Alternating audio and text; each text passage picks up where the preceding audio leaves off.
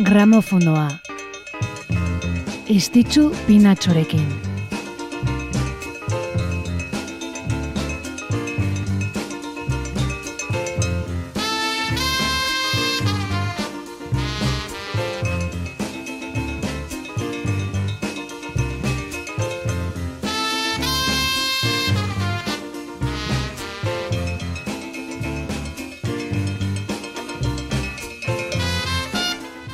Asteazkena arratseko amarrak puntuan eta horrek erran nahi du aletu dela gramofonoaren txanda.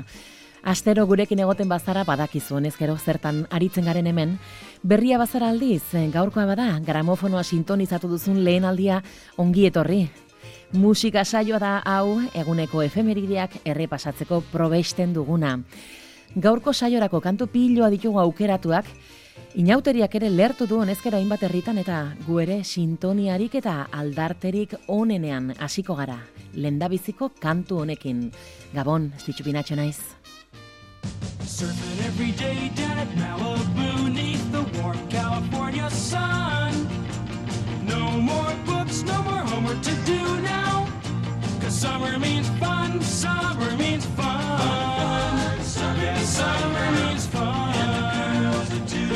to Yes, summer is fun. Driving movies every night, staying out till half past one.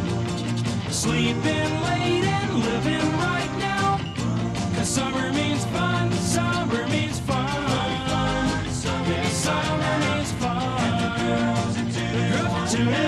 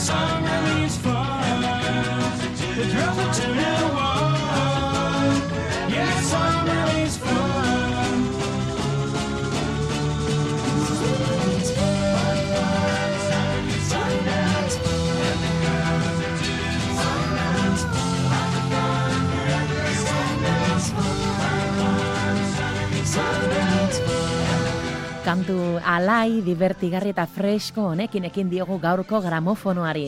Summer means fun. Bruce and Terry bikoteak kantatzen zuna, Bruce Johnston eta Terry Melcherrek alegia.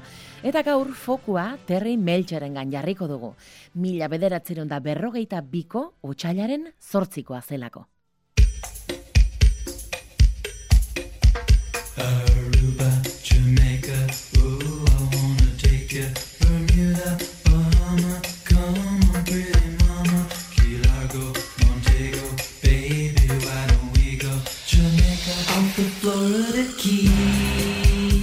Terry Melcher musikari eta ekoizle estatu batu arra izan zen Doris Day kantari ezagunaren semea. 2008an zendu zen biziaren aurka urteetan borrokan ibili ondotik, gaztea zen hiltzeko irurogeita bi urte, minu erran Terry Melcherrek ibilbide agitzo paroa izan zun.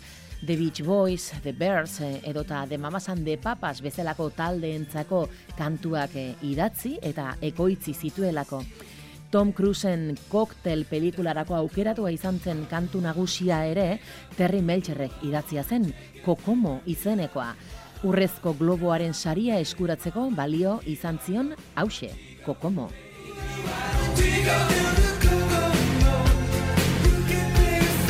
By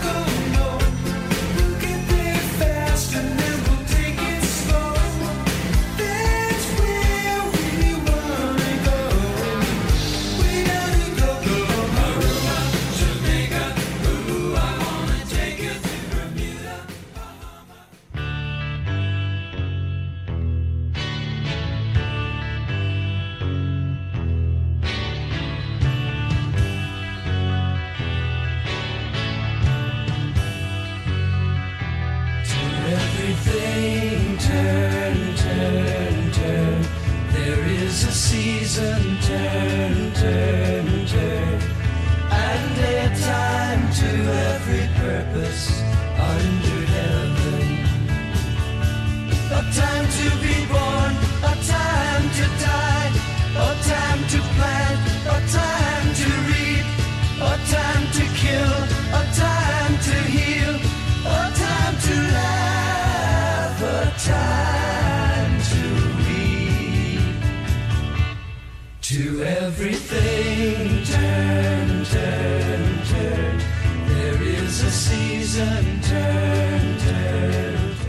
The Bears eh, talde mitikoaren Turn, Turn, Turn kantu hau ere Terry Melcherek idatzi zuen.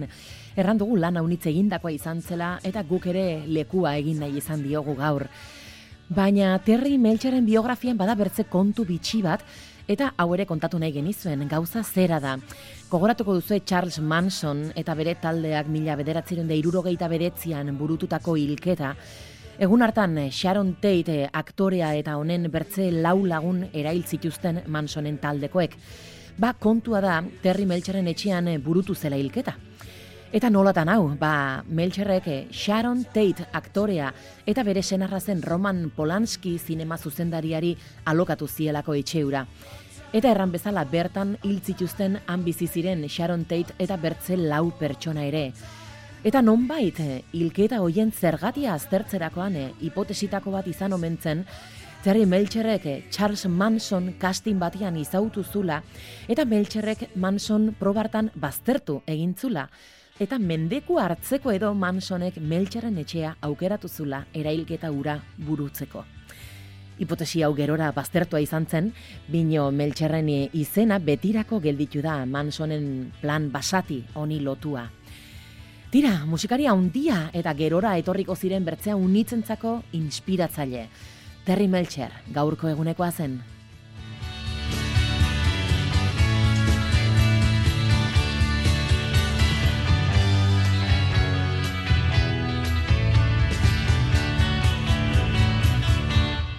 To everything turn, turn, turn. There is a season turn,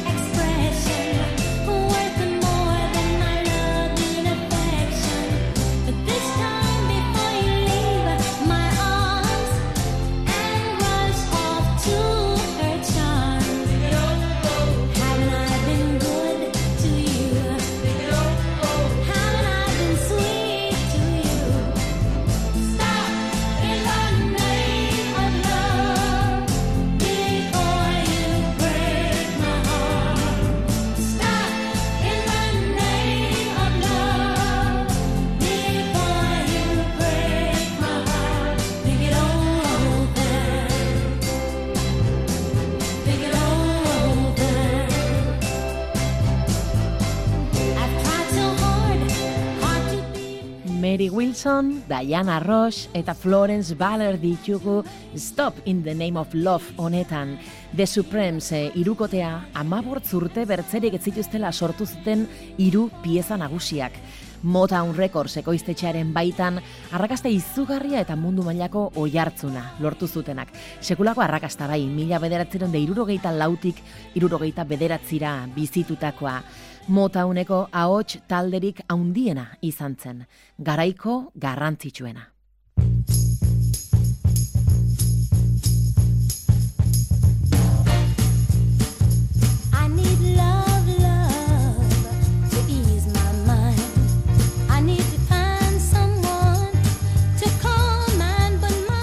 Ba, gaur zehazki Mary Wilson ekarri nahi genun gogora, gaurko egunez zendu zelako 2008 batan.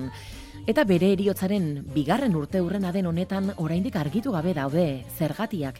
Ze pasa zitzaion Mary Wilsoni bere ahotsa eta indarra itzaltzeko. Urrezko garai hartatik urte gutxira mila bederatzeron da irurogeita maseian Florence Ballard hil hil egintzen, eta Diana Ross taldeko superizarra bihurtu bazen ere, edo bihurtu bazuten ere, Mary Wilson indarra izan zen. Musikarien eskubideen alde tinko borrogatu zuena, eta Diana Rossen bakarkako bidean ere, ezin bertzeko babesa izan zena.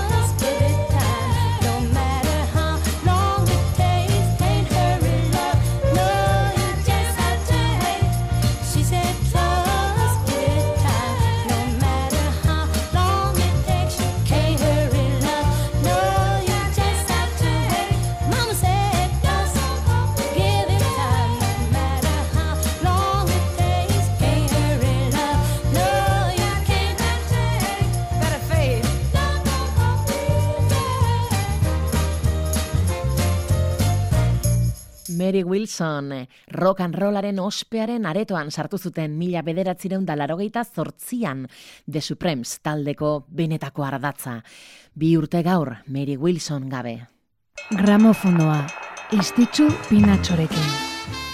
Irurogei garan amarkadako harri bitxiak gogoratzen segituko dugu gramofonoan, The Supremes desegintzen urte berean, eta gaur bezalako egun batez talde zoragarri hau sortu zelako, Blind Faith.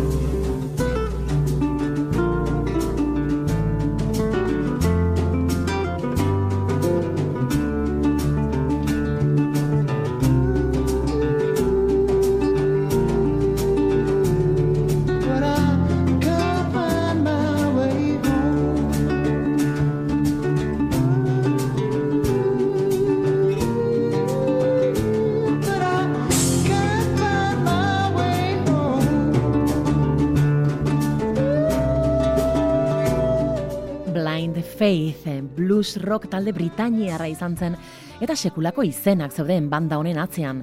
Eric Clapton, Ginger Baker, Steve Winwood eta Rick Gregg. Sekulako musikariak elkartu ziren hemen, nio tamalez disko bakarra argitaratu zuten taldearen eh, izen berbera izantzuna, Blind Faith. Estilori dagokionez, eh, Steve Winwoodek eta Eric Claptonek aurretik izandako trafik edota krem eh, taldeekin alderatzen alko genukeena. Eta erraten alda baitare Blind Faith taldeak eh, album bakar batekin rock and rollaren eta bluesaren fusioan lagundu zutela. Zoragarria, album hau.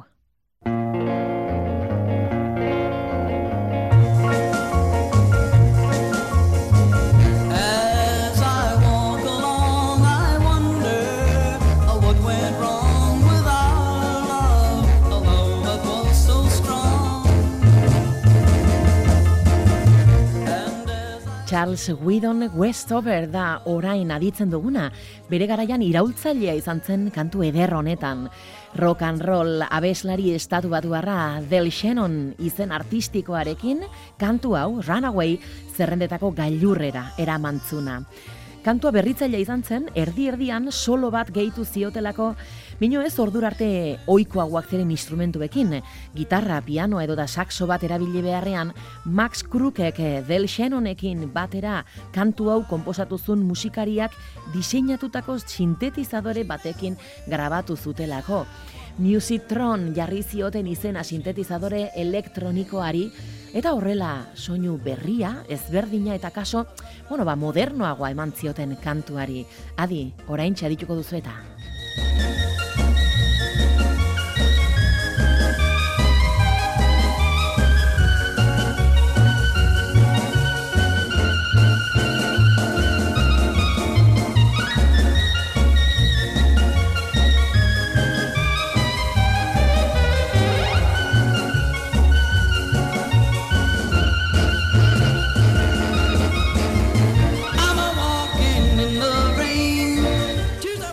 Max Crookek sortutako eta grabatutako Musitron sintetizadorearen soloa. Horrelako soinu berritzaileak eh, pop generoan nabarmendu ziren batik bat, eta Del Shannon beti izanen da gogoratua Runaway izeneko kantu beresi eta itxaskor honengatik. Mila bederatzeren da larogeita marreko txailaren zortzian zendu zen. Berburuaz beste egintzun, urte batzuk depresioan murgilduta egon ondotik. Gaur gogoratu dugu, Del Shannon. I run, run, run, run,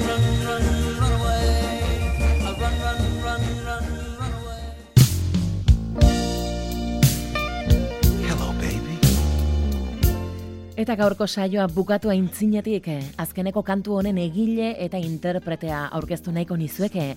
Marvin Sis bere izena, ego Karolinan jaiotakoa, gospel artista bezala hasi zena binon, geroago hogei urte zitula New Yorkera joan zen, eta orduan gospel zirkuitoa alde batera utzi eta bere rhythm and blues talde propia osatu zun, bere hiru anaiekin batera.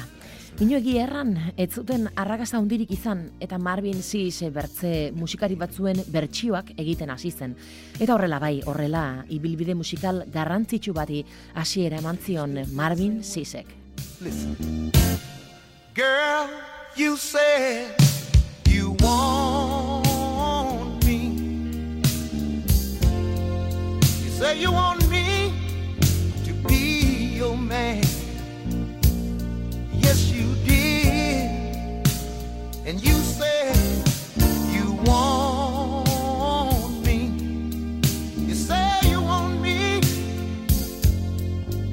want me to marry you.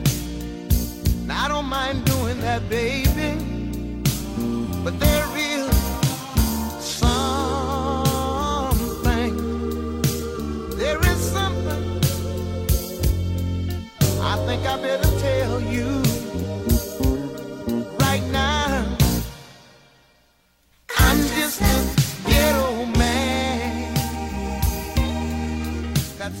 Mila bederatzeron da larogeita seian argitaratu zuen bere lehen albuma Marvin Sisek, bere abesti ezagunenetako batekin, orain aditzen dugun Ghetto Men honekin.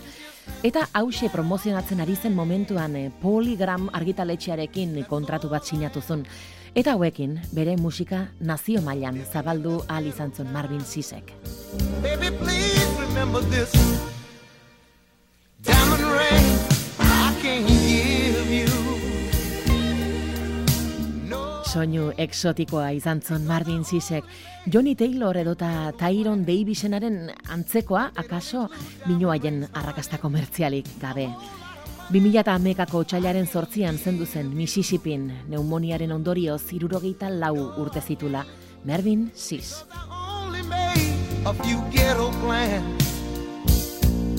Yes, I did. That's the reason Eta nik nere partetik despedida, kantu eder honekin itxi eramanen diogu gaurko gramofonoari. Mino lasai urrengo asteazkenan ere, hementxe, izanen garata zerrenda berri batekin. Amets goxoak izan dizazuela, pasagabon. I can't afford baby. Because I only made a few ghetto plans. And they don't include a new car, honey. A whole lot of things that a girl should have. I can't give. Because I made ghetto plans. Yes, I did. But if it's love you're looking for, I want you to come on, come on, and let me love you. Baby, please remember this.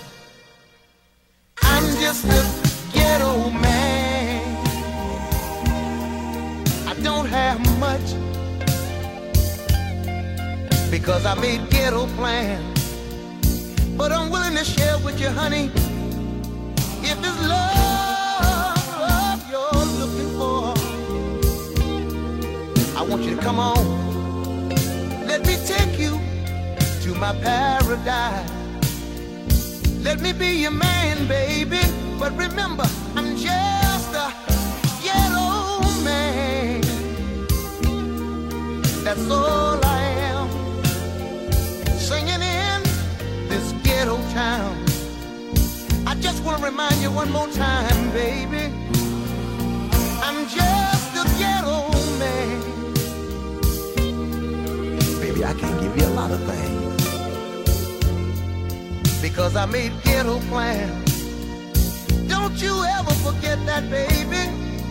Whoa, I'm a ghetto man. I don't have much but I'm willing to share with you. You see, baby, most men can give you a whole lot of things. But I'm just plain old Marvin, baby. You see, I don't live in Hollywood or London or Paris or Rome. You see, baby, I live right here in the ghetto. I can't afford to eat the best of food. Sometimes I eat beans out of a can. So if you don't mind that, come on. But remember, I'm just a ghetto man. That's all I am. Living in this ghetto town. Don't you ever forget that, baby. Girl, oh, I'm a ghetto man. I work hard.